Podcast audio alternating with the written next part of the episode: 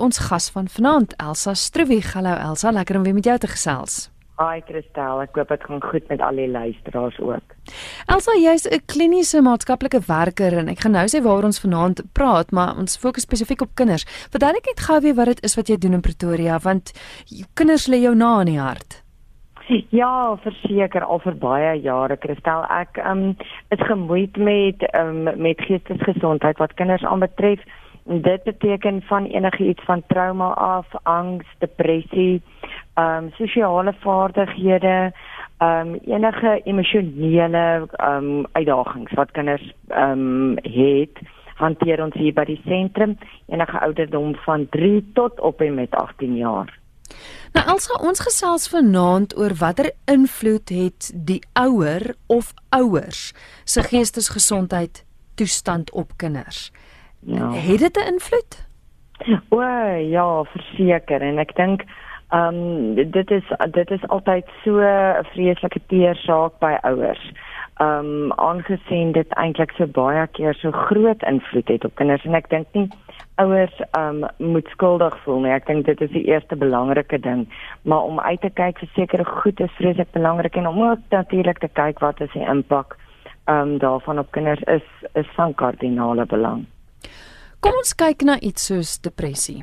Sê nou maar een van die ouers het depressie.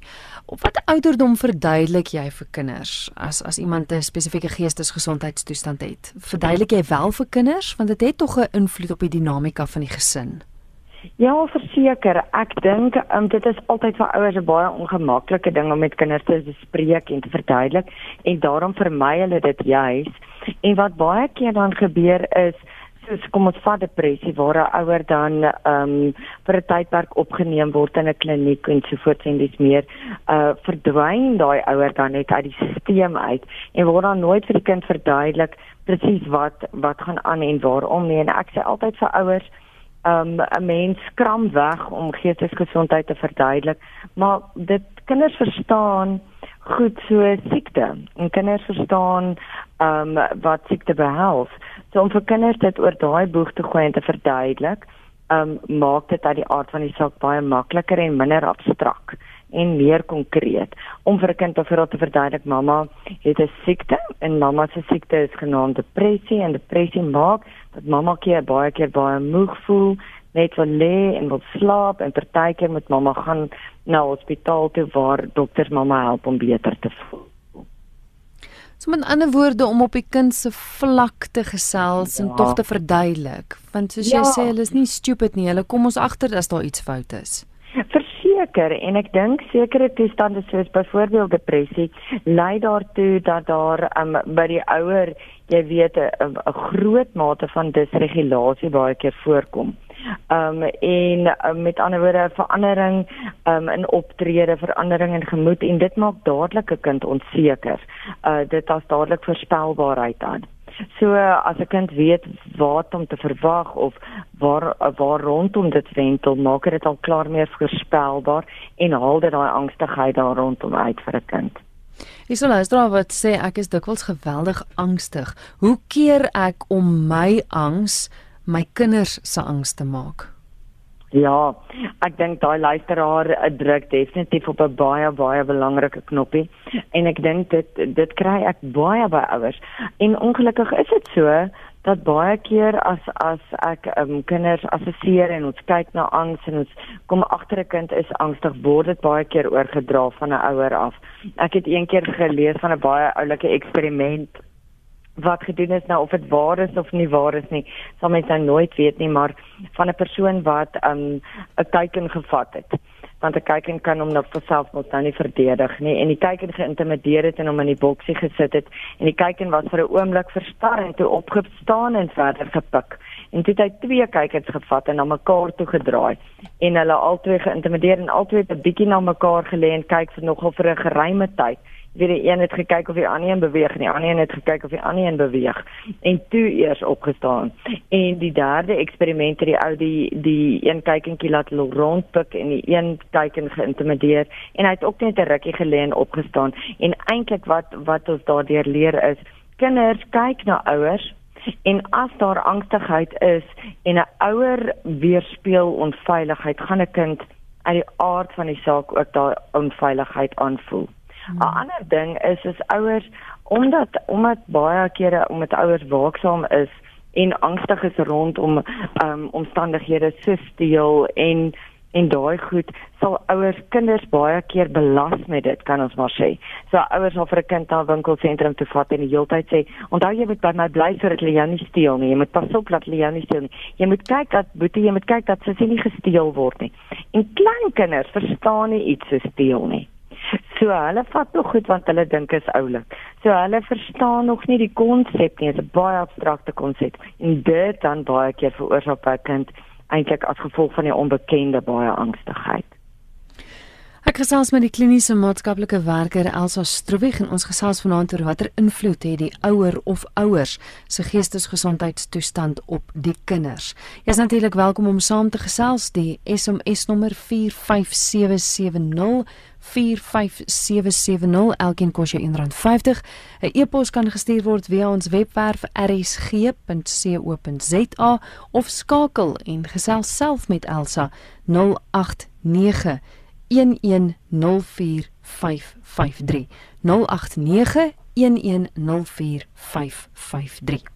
Is 'n luisteraar wat sê my skoondogter het depressie.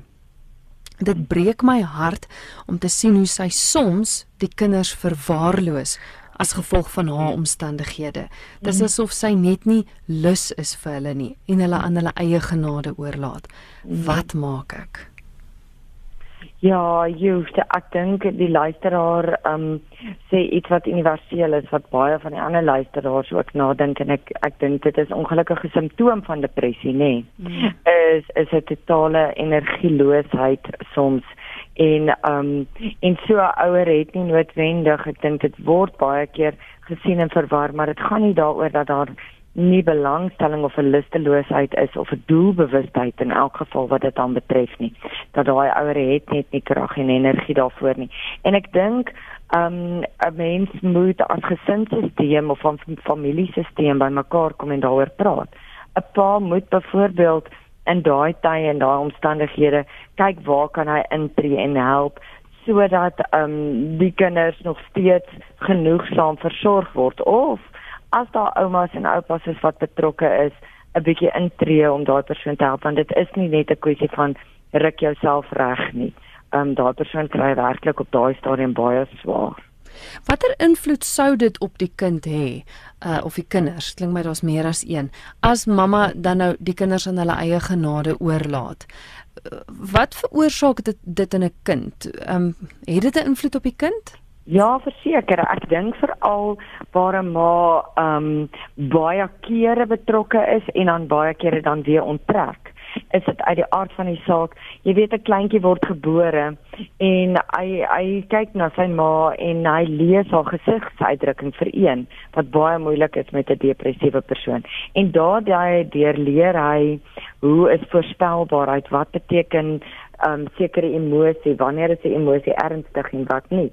So um vir 'n kind skep dit baie dadelik onsekerheid wanneer daar nie 'n uh, voorspelbaarheid in 'n ouers gemoed is nie. En dan moet ons onthou ons gebruik die term kinders vir 'n rede.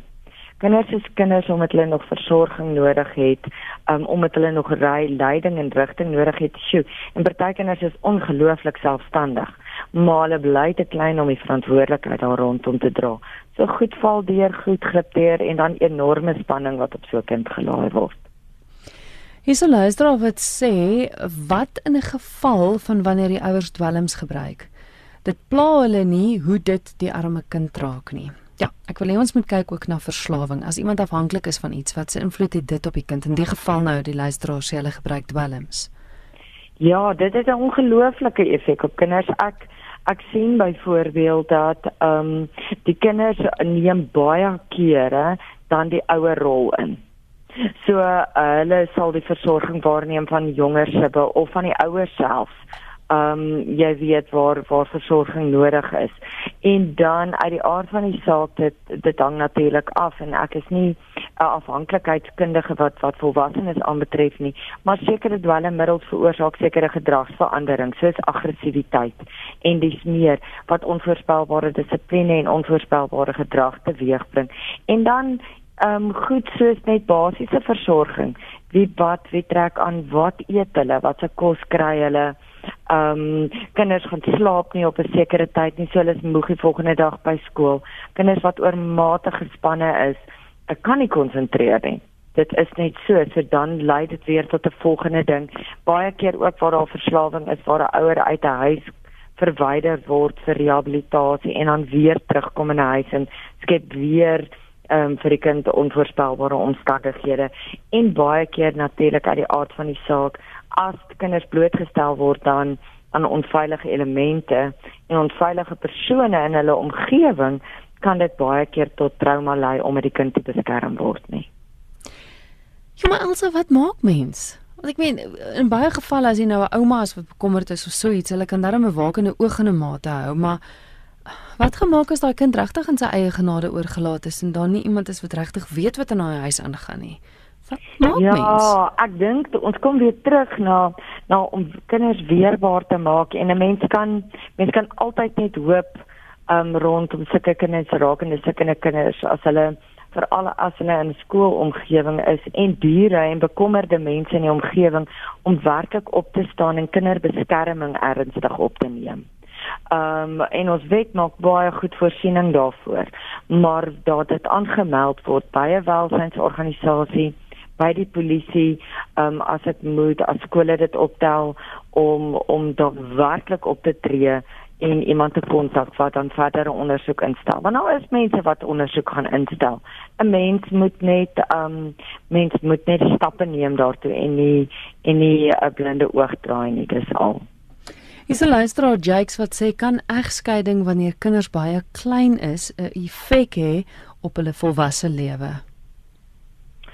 Ja, ek dink wat egskeiding aanbetref, ehm um, ek dink die realiteit rondom egskeiding uh wat kinders aanbetref, is dat kinders ehm um, sal altyd herenigingsfantasie rondom ouers. Dit is 50-50% van hulle DNA.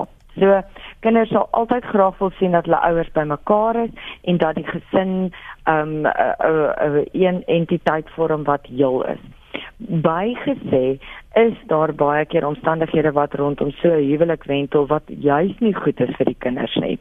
Soos hoë konflik. Ek verduidelik altyd vir ouers dat hoë stres situasies is nie noodwendig laat nie noodwendig kinders met met eie geestesgesondheidsprobleme as hulle ouer is nie maar wat egskeiding aanbetref regtig regtig hoe ouers dit onder mekaar hanteer met ander woorde as beide ouers betrokke is soveel te beter hoe gaan daai transisie rakende van een ouer na 'n volgende? Is daai kontak ehm um, konflikbelaai en hoe konflikbelaai dat daai kind voel dat dat hy in gevaar is of dat sy primêre versorger in gevaar is? En daai het definitief 'n impak. Wat die res van die van die aangeleentheid aanbetref, gaan 'n kind altyd 'n behoefte hê na daai en na die ander ouer en dit is die realiteit maar dit hoef nie noodwendig 'n lewenslange impak te hê op sy geestesgesondheid nie hang maar af van die ouer self Is 'n luisteraar wat sê ons pa was 'n alkolikus gewees ek het 'n absolute weerstand in alkohol maar my broer is vandag self 'n alkolikus Hoe mm. gebeur dit dat die een 'n afskeid het en die ander een homself versuip? Ons kom tog uit dieselfde gesin en ons het dieselfde beleef. Ja, ek dink daar ehm um, daar is net wat verslawing aan betref verskriklik baie elemente en ek weet jy het baie kundiges op jou program wat ook daaroor gesels. Maar ek dink daar's soveel dinamika rondom slegs en alleenlik jy weet bindinge en met watter assosiasie het 'n kind gemaak as jonk kind rondom 'n ouer met wie vereenselwig hy hom en natuurlik genetika speel 'n rol. So ek dink daar's soveel elemente dat 'n mens dit nie net na een kant of ander kant toe kan draai nie. Daar is daar's baie goed wat 'n rol speel. Veral as dit die ouer is wat dieselfde geslag is. Onthou 'n kind vir um, bou sy geslagsrol identiteit um, uit sy ouers uit. So as hy homself vereenselwig um, met so 'n persoon kan hy voel maar dit is maar sy identiteit ook. Maar ons weet dat dit nie slegs en alleenlike rede is en kan wees vir vir verslawing nie. Jy is ingeskakel op RSG. Jy luister na Geestesgesondheid en ons is nou weer terug. positiewe inspirasie kan jy Sondagoggend 10:07 aansluit by my Liselde Brein en Johan van Lille vir Sondagjoernaal. Ons gesels geloof, godsdienst en inspirasie sake. Ons hoor by mense hoe hulle dink en watter verskil geloof in hulle lewe maak. So stel jou wekker vir 10:07 op 'n Sondagoggend vir Sondagjoernaal. So may we all be warned.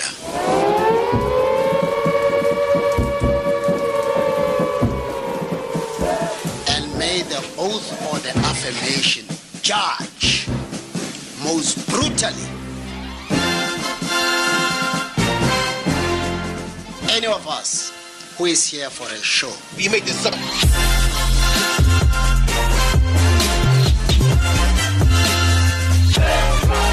Spectrum elke weekmiddag tussen 1 en 2. Big words. Hoe moet godsdienstvryheid in 'n sekulêre staat soos Suid-Afrika beskerm word en is dit regtig nodig? Sluit Sondag aand net na die 7 uur nuus by my Jean Oosthuizen aan om te hoor wat sê my gaste, professor Farid Esak van die Universiteit van Johannesburg en Renier Skooman van die Kommissie oor die Beskerming van Kultuur, Godsdiens en Taalregte hieroor in die program uit 'n ander hoek. Respek vir die ander persoon se taal, sy godsdiens, sy lewenstyl is die begin van alles. Mense wat weier om deel te neem aan godsdiens, dit is ook die reg van daardie mense wat beskerm moet word. Sondag aand gesels ek Jean Oosthuizen en my gaste oor godsdienstvryheid, net hier op RSG in die program uit 'n ander hoek. Dis geestesgesondheid waarna jy luister op 'n Dinsdag aand net na 11. My naam is Christel Webber. Vanaand gesels ek met Elsa Stroebig, kliniese maatskaplike werker en ons gesels oor watter invloed het die ouer of ouers se geestesgesondheidstoestand op die kinders. Jy is welkom om saam te gesels 089 1104553 dis die nommer om te skakel 089 1104553 jy kan ook 'n SMS stuur na 45770 45770 elke SMS kos jou R1.50 of 'n e-pos kan gestuur word via ons webwerf rsg.co.za en daar is 'n skakel wat sê stuur e-pos aan ateljee Elsa is nou 'n luisteraar wat sê dat my dogtertjie sy is in die laerskool graad 3 as ek dit reg het. Ehm um, hy sê my dogtertjie het op ons vrou afgekom waar sy haar eie lewe geneem het. Mm. Hoe troos ek haar as ek sukkel om myself te troos? Want aan die een kant is ek kwaad. Ja, ek dink um dit dit is 'n baie gekompliseerde saak en daar is soveel gevalle wat by ons aangemeld is rakende dit. Maar ek dink um ek dink nie 'n ouer moet wegskram uh van sy eie hartseer en sy eie rou af nie. Um ek dink dit is heeltemal heeltemal alright vir 'n ouer om vir 'n kind te sê, jy weet, soos vanaand is pappa se hart baie seer of vanaand verlang ek vreeslik baie na mamma. Um of um om te kan gesels rondom goed wat hulle onthou. Want baie keer vir alles daar self dood is, ehm um, het mense die tendens soos met met enige geestesgesondheidsprobleem om weg te skram uh, om juist te gesels oor daai persoon. En um, daai kind het het um, herinneringe ook wat genormaliseer moet word. Goeie herinneringe wat kan help om daai laaste beeld um te versag. So om 'n bietjie te gesels rondom goed wat gedoen is saam met die persoon, um vakansies wat gehou is, maak 'n maak 'n um 'n boekie rondom herinneringe wat plaasgevind het. Maar dit is heeltemal binne normale perke om vir 'n kind te kan sê. Um jy weet pappa, pappa is baie hartseer. Ek dink wat 'n ander ding is wat baie belangrik is en en ek besef ouers of gesinne is oorweldig as hulle in daai omstandighede is. Maar om te kyk wat kan jy vir daai kind in plek sit waar hy kan kan hulp ontvang met ander woorde om te gaan kyk na na jou plaaslike kerk of um instansie waar daar berading aangebied word sodat die kind uh, ondervang kan word emosioneel vir enige iets en as daar trauma by betrokke is is dit natuurlik 'n spesialiteitsveld waar daarna gekyk word. En dan stel ek altyd voor dat die ander ouer ook moet inskakel want dit is daai hele ding wat 'n mens sê wat mens hoor as jy vlieg jy weet sit eers die suurstofmasker op jou eie gesig voordat jy dit op jou kind sit en hierdie is in hierdie geval presies dieselfde jy gaan nie jou kind kan genoegsaam ondersteun as jy nie ook ondersteun word. Die ouers kan ba sê baie keer vir my, weet jy ek sal later na myself kyk. Ek wil net eers eers seker maak my kind is alright. Maar die kind gaan nie 100% kan kan in 'n genesingsproses ingaan as die ouer nie in die genesingsproses ingaan nie. En die, die feit dat pappa kwaad is, want jy kan seker tog nie vir jou kind wys dat jy kwaad is nie. Weet jy wat ek dink? Kwaad en woede is definitief ook deel van sy van die pa se rouproses. Ek dink nie ek dink dit is regverdig om 'n kind bloot te stel op daai stadium al voel die kind dit ook baie keer. Um en daarom sê ek is dit belangrik dat 'n pa dat die pa se eie uitlaatklep kan kry waar hy oor hierdie emosies en gevoelens kan praat. Die kind is nie sy konfidant nie. Ek dink dit is dis 'n belangrike gedeelte daarvan. So, uh, maar woede en kwaad gaan ook deel wees van die kind se rouproses. Hmm. En 'n uh, ouer die ander ouer kan dit dan so verstaan, maar as as die persoon wat die oorlewende 'n plek kan hê waar hy in elk geval kan ventileer en waar hy 'n plek het waar hy weet dit is veilig genoeg om te kan ontlaai en weer dan daai ekwilibrium kan bereik vir 'n ruk. Dis luister wat sê my ma het 'n senie in instorting gehad toe ek gebore is. Ja, die lyn klink nou vreeslik snaaks. Dit klink of 'n blik. Dit klink swak, ja. Ja. Ek sal nou kyk of ek dit kan doen. Uh, my ma het 'n senie in instorting gehad toe ek gebore is. Ek was weggeneem van haar en dit het my altyd gepla. Hmm. Lekker aand verder. Ja, ek dink die luisteraar gaan weer presies terug na daai deel ehm um, wat ek gesê het aan die heel begin.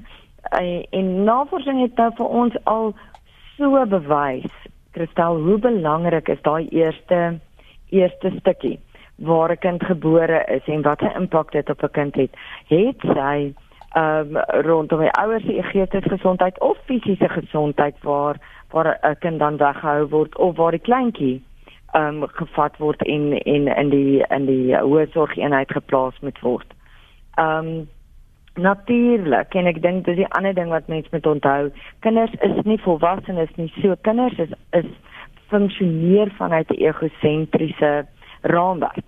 So so kind kan met selfverwyte loop en ouers kan dit nie eers dink of fokus nie dat dit die geval kan wees nie. Maar maar so 'n kind kan homself dan byvoorbeeld vra, ehm um, was my geboorte dan nie 'n vreugde nie? Al het soveel ander goed te doen ehm um, jy weet is ek dan nie so daai selfwaarde ding wat dan 'n impak het. So ek ek hoor presies wat die luisteraar sê en dan daai koestering wat 'n baba moet hê wanneer hy gebore is om om 'n ma se hartklop te kan hoor en liggaamshitte te kan voel speel 'n ongelooflike rol in verdere geestesgesondheid.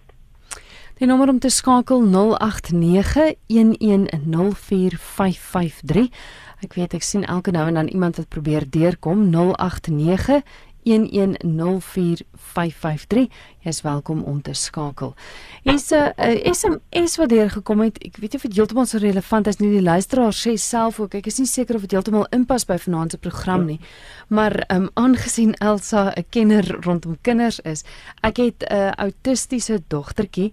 Uh, sy kan mm. glad nie praat nie. Wat my die meeste pla is die feit dat ek nie regtig weet wat in haar kop aangaan nie. Ek weet nie wat sy voel nie en sy kan ook nie vir my sê nie.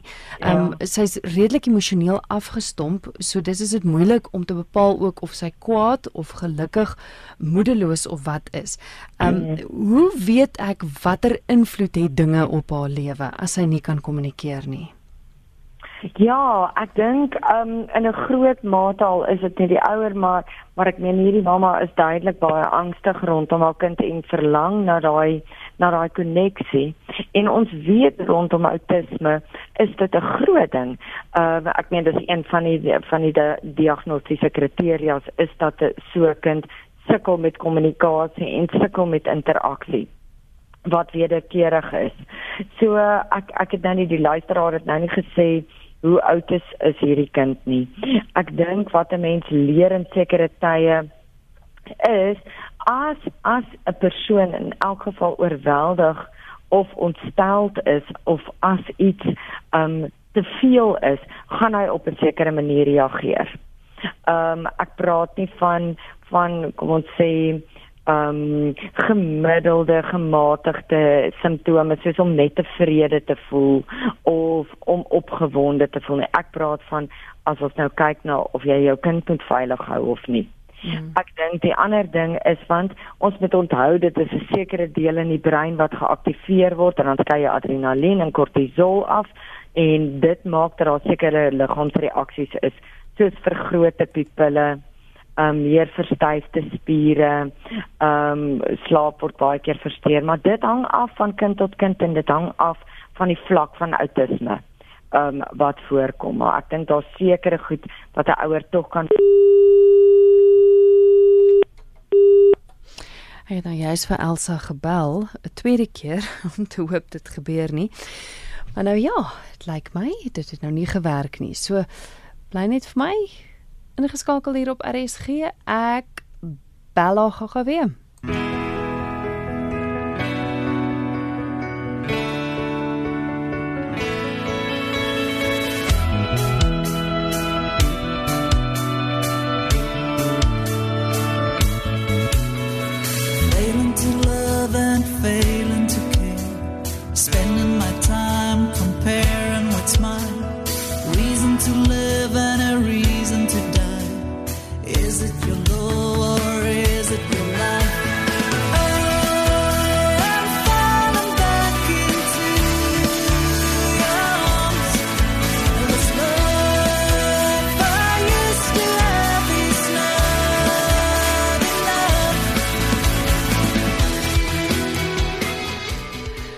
Dit is die Coffee Snobs met Falling Back. Nou, dis nie al wat geval het nie, is ook die telefoonlyn wat geval het. Elsa, as jy terug. ek is terug op die lig. Goed. Ons het gepraat oor die ma wat gesê het sy is bekommerd oor haar uh, autistiese kind.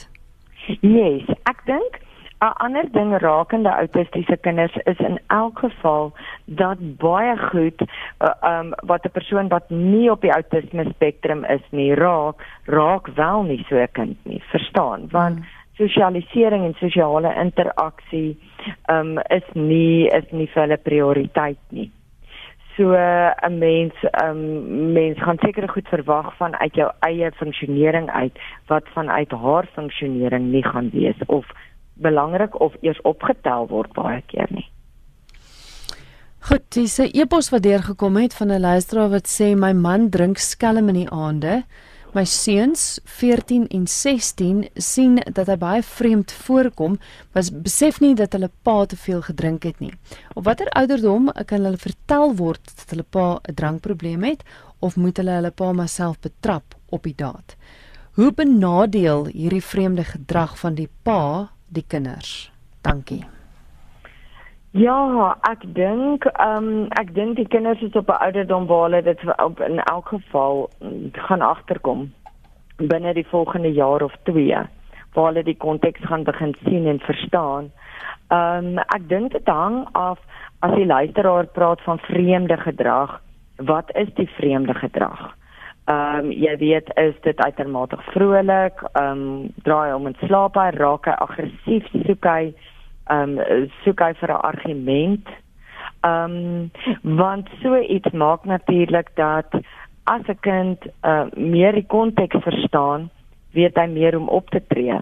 Verstaan. So as jy kan daai konteks verstaan, weet hy om liewer nie te reageer nie of liewer maar ehm um, uit die paase pad te bly. Ek dink in elk geval waar ehm um, waar daar iemand is wat te veel drink in die huis, ehm um, word dit baie maklik geakkommodeer in 'n stelsel. En dit skep eintlik baie disfunksie. So 'n mens moet gaan kyk hoe kan die gesin optree om hierdie persoon tot insig te kry dat hy dan gaan vir rehabilitasie. Uh want die kinders gaan nie en en ek dink die ouers moet ook besef dat al sê die kinders baie keer nie iets nie. Kinders is so fyn ingestel op atmosfeer dat hulle ehm um, hulle verstaan baie keer meer as wat mense weet. Hulle hou ook net die stilte van die stilte van die stelsel in stand. Hmm. Ons is byna aan die einde van vanaand se gesprek. Nog 'n SMS wat deur gekom het anoniem wat sê ek en my vrou staan op skei. Ek word weerhou van my kind na al vir die afgelope 6 maande. Dit lyk amper vir my asof my vrou nie omgee vir my kind se behoeftes om uh sy pa in sy lewe te hê nie, want sy het ook nie 'n uh, pa gehad toe sy groot geraak het nie. Ja, ek dink daai is 'n groot punt van konflik in elk geval en ek dink ons um, ons ons kinderwet het 'n uh, voorsiening gemaak om te kyk as daar 'n moontlikheid is um, van ouer vervreemding dat dit volgens die wet opgetree kan word en en die seksie in die wet is baie duidelik dat dit eintlik met um, strafbaar is met strongstraf as dit sou bevind word dat dit uh, um, as gevolg van 'n ongegronde rede wel plaasvind. So ek dink wat 'n mens vir so 'n luisteraar kan aanbeveel as dit ongegrond is en as dit teen uh die bevel is om dit definitief met 'n regsgeleerde te bespreek of met die gesinsadvokatekamers om dit daar aan te meld dat dit verder ondersoek word en dat daar 'n struktuur in plek gestel word en ehm um, wat dan bepaal wanneer 'n kind kontak het en wanneer nie. So ek dink maar ek dink dit hang af weer eens wat is die vereistes in en wat is die omstandighede en wat was die omstandighede. Dis nou nie almal duidelik nie. Maar as daar nie grondige rede is nie, kan dit definitief aangemeld word en dit sal ondersoek word en dit kan kan met 'n hofbevel reggestel word. Hierso is 'n luisteraar wat sê van die ongelooflike Skes, ek weet nou nie wat fout is. Daar's hy, daar klink hy weer beter. Ehm um, 'n luisteraar wat sê wat pleit eintlik by alle ouers wat sê dink asseblief twee of meer keer voor jy iets doen of sê van watter aard ook al vir jou kinders. Nou is 'n lang SMS wat deur gekom het waarop neerkom is haar ma het drankprobleme gehad, haar pa is dood, sy 10 jaar oud was, nou ma moes haar alleen grootgemaak het. Maar dit het 'n invloed op haar lewe gehad dat sy 'n klomp verkeerde goeders gedoen het en alles. Hoe belangrik is daai om 2 maal 3 maal te dink voordat jy iets vir jou kinders sê en doen? Want watter invloed het, het dit op ons kinders? Die manier hoe ons met hulle praat, dit wat ons vir hulle sê, dalk demotiveer, daai tipe van goeters. Watter invloed het dit? Dit het 'n ongelooflike invloed. Ek meen, ehm um, 'n ouer is definitief 'n kind se rigtingwyser. En kinders ehm um, koop in en trek aan en een ehm um, neem eienaarskap van dit wat baie keer gesê word. Die ander ding wat ons moet onthou is omdat kinders in daai onvolwasse status het hulle definitief nie die gereedheid om, om baie keer om inligting te verwerk wat vir hulle gesê word. Hulle het nie 'n konteks of 'n persepsie daarvan nie. So dit is 'n groot skok baie keer vir hulle op hulle stelsel. En dan ehm um, baie keer is dit inligting wat hulle nie vooraf oor beskik het nie. Uh wat wat by hulle baie verwarring vir oor of dit kan oor 'n ander persoon wees of dit kan op die kind se karakter gerig wees uh wat natuurlik uit die aard van die saak 'n enorme impak het. Die oomblik as jy as jy aanraak aan 'n kind se karakter uh ons weet nie hoeveel impak het ons op ons kinders se besluitneming later nie op hulle selfervaring en hulle selfkonsep nie. So mens moet jou woorde baie goed kies voordat jy voordat jy 'n ding met 'n kind aanspreek en met hom praat daaroor. Ons praat nou van die invloed wat ouers se geestesgesondheidstoestand op kinders het, maar ek dink die volgende SMS is eintlik andersom waar die die dogter in die geval nou se gesondheidstoestand 'n invloed op die ouer het. Sy sê my dogter is nou al meer as 'n jaar vir my kwaad. Ehm um, sy praat glad nie met my nie sodat ek nie kan weet wat ek verkeerd gedoen het nie. Vra vriende, ehm um, hulle sê die psigiater sê dit is my oorsaak dat sy depressief is. Nou hoe kan die persoon gif saai as hy my as ma dan nie eers gesien het nie? Dis anoniem wat dit sê. So ja, die, die, kan dit wees? Seker, ons weet nou nie wat gebeur het nie, maar ek meen dis nou ah, andersom. Ja, en ek dink ek dink hierdie in, inligting kom nou eh, so langs die lyne af rondom rakende vriende wat sê die psigiaters en dis meer. Ehm um, ek dink in elk geval uh vir 'n persoon om om totale 'n sirkel van van heling te kry. Ehm um, is dit belangrik om hierdie uit te klaar. Verstaan? So hmm dis eintlik 'n gedeelte wat wat nie aangespreek word nie tensy daar nou 'n konflik was of tensy dit onveilig is om dit met 'n ouer ekskuus tog te bespreek of dis meer dink ek dit is baie bemagtigend vir 'n persoon om as hy ervaar het want ek meen ons het verskillende almal het verskillende persoonlikhede en partykeer bots ek persoonlikheid van 'n ouer so met 'n kind dat 'n ouer nie eers baie keer besef wat sy inspak het hy nie of gehaat nie of iets wat 'n ouer gedoen het of dalk was 'n ouer het hy gedink hy motiveer 'n kind en 'n kind het ervaar hy hy's intens gedruk en was nie goed genoeg nie. Maar dit is persepsies baie keer van twee verskillende raamwerke af. So dit kan baie helend wees om dit met 'n persoon uit te klaar en baie bemagtigend wees om dit aan so 'n persoon oor te dra. Ek dink baie keer ehm um, word dit wat 'n wat 'n terapeut of 'n psigiater aanbeveel baie meer letterlik opgeneem en baie meer tot 'n ekstreem geneem as waar as wat dit werklik die intensie van daai persoon was. Ek dink dit moet ook in ag geneem word. Want ehm um, sodanige persoon put nie net genot daaruit ehm um, jy weet om om om om om gesinne op te breek nie en om mense van mekaar af te hou nie. So iewers dit is hier 'n groot kommunikasiegaping wat duidelik nou eintlik al 'n langer kom. Hmm. En sou dit julle wees as die dogter en die ouer by mekaar kan uitkom of die ouer kan aandring om met die dogter daaroor te praat en te hoor wat wat waar het sy dan voel die dogter verkeerd gegaan. Also baie dankie vir jou wyse raad vanaand. Kan die luisteraars uh, julle skakel? Hulle is meer as welkom. Ons is hier in Pretoria en ons nommer is 012998 6661 of hulle is welkom om 'n e-pos te stuur um aan admin@etherapy.co.za. En so gesels Elsa Stroewig, sy is kliniese maatskaplike werker daar van Pretoria 012 998 661 of admin by estherapy.co.za. Ons het vanaand gesels oor watter invloed het die ouer of ouers se geestesgesondheidstoestand op die kinders.